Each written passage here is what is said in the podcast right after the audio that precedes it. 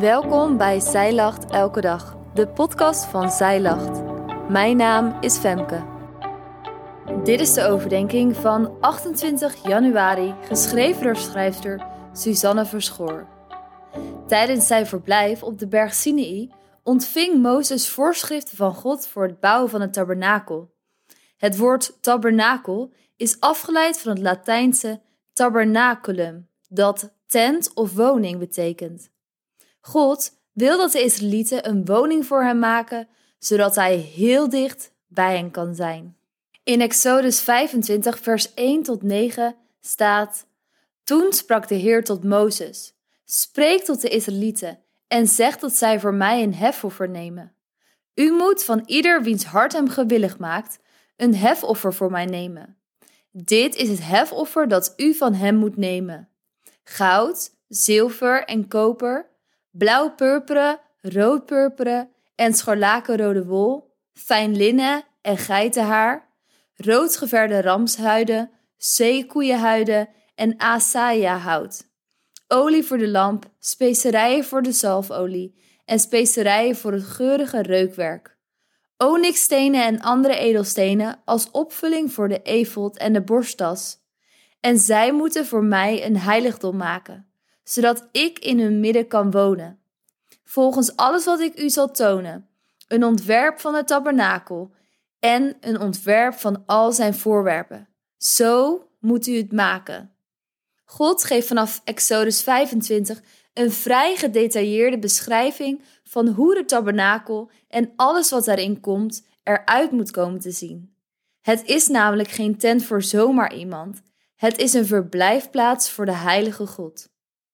God is duidelijk over hoe Hij wil dat wij leven, maar Hij is ook duidelijk over iets anders. Hij wil bij jou wonen. Zoals Hij in Exodus 25, vers 8 zegt dat de Israëlieten voor Hem een heiligdom moeten maken, zodat Hij in hun midden kan wonen, zo wil Hij ook bij jou wonen. In Johannes 14, vers 23 staat: Jezus antwoordde: Wanneer iemand mij liefhebt, zal hij zich houden aan wat ik zeg. Mijn vader zal hem liefhebben. En mijn vader en ik zullen bij hem komen en bij hem wonen. Hoe geweldig is het dat wij een God hebben die niet over ons wil heersen, maar zich over ons bekommert. Hij wil een relatie met ons. Hij wil bij ons wonen, dichtbij zijn. Voel jij zijn aanwezigheid in alles wat je doet? In de blijdschap en je verdriet? Als je moeilijke keuzes moet maken hij is zo dichtbij dat je alleen maar hoeft te praten tegen hem om in contact te komen. Dat je alleen maar om je heen hoeft te kijken om hem te zien. Ik ben dankbaar voor de enige echte God die zo dicht bij mij wil zijn. Op 14 februari start de 40 dagen tijd. In dit leesplan, Feest van Bevrijding, volg je de Israëlieten in hun reis door de woestijn van slavernij naar vrijheid. En je ontdekt samen met de eerste volgelingen van Jezus over het leven in Gods koninkrijk. Wil jij meer toeleven naar Pasen? Bestel dan dit 40 dagen tijd leesplan via onze webshop. Dankjewel dat jij hebt geluisterd naar de overdenking van vandaag. Wil je de overdenking nalezen? Check dan onze website.